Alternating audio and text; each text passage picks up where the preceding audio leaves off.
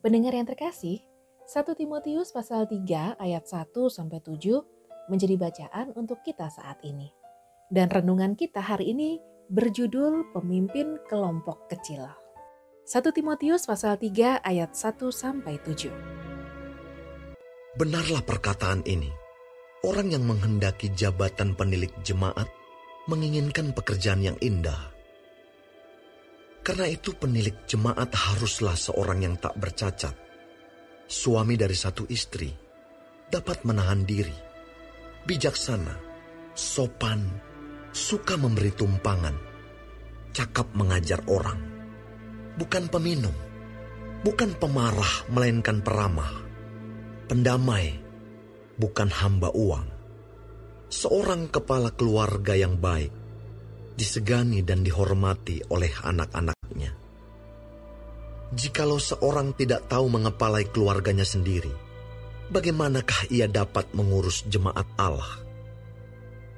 Janganlah ia seorang yang baru bertobat, agar jangan ia menjadi sombong dan kena hukuman iblis.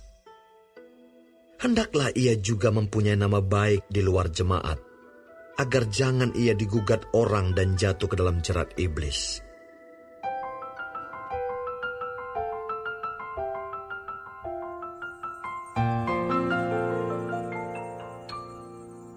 Jikalau seorang tidak tahu mengepalai keluarganya sendiri, bagaimanakah ia dapat mengurus jemaat Allah?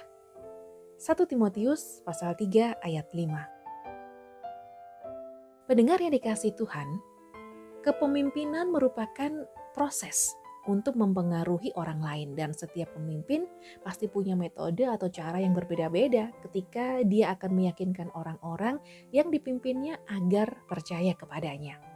Seorang pemimpin tidak harus mempunyai anggota yang banyak sampai ratusan, jutaan, atau ribuan.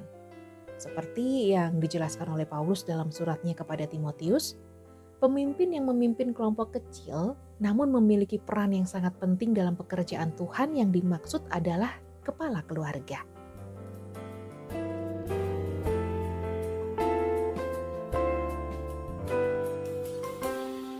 Adapun standar yang Paulus gunakan bagi seorang pengurus pekerjaan Tuhan adalah ia harus bisa menjadi teladan bagi anggota keluarga yang lain. Selain itu, ia juga harus bisa mengajarkan firman Allah kepada anggota keluarganya. Karena nantinya ia juga harus mengajar jemaat. Pendengar yang terkasih, keluarga nampaknya menjadi fokus bagi Paulus. Karena bagi Paulus, jika keluarga sehat secara rohani, Hal ini akan membuat lingkungan sekitar juga gereja menjadi sehat. Keluarga yang sehat ternyata juga menjadi sebuah kekuatan bagi suatu bangsa. Oleh karena itu, kehidupan rohani setiap keluarga harus diperhatikan dengan benar oleh seorang kepala keluarga. Karena secara tidak langsung, kepala keluarga sebagai pemimpin dari kelompok kecil itu ikut bertanggung jawab terhadap kesehatan jiwa dari anggota keluarga yang lainnya. Jadi peran seorang kepala keluarga bukan hanya memperhatikan kebutuhan keuangan keluarga saja, akan tetapi juga kebutuhan kerohanian anggota keluarganya. Sedangkan seorang ibu berperan sebagai penolong yang Tuhan anugerahkan untuk mewujudkan keluarga yang sehat di dalam Tuhan. Pendengar yang dikasih Tuhan, saat ini bagaimana kondisi kesehatan rohani keluarga Anda? Tetapi jika kamu anggap tidak baik untuk beribadah kepada Tuhan, Pilihlah pada hari ini kepada siapa kamu akan beribadah. Allah yang kepadanya nenek moyangmu beribadah di seberang sungai Efrat atau Allah orang Amori yang negerinya kamu diami ini. Tetapi aku dan seisi rumahku, kami akan beribadah kepada Tuhan. Yosua pasal 24 ayat 15. Tuhan Yesus memberkati.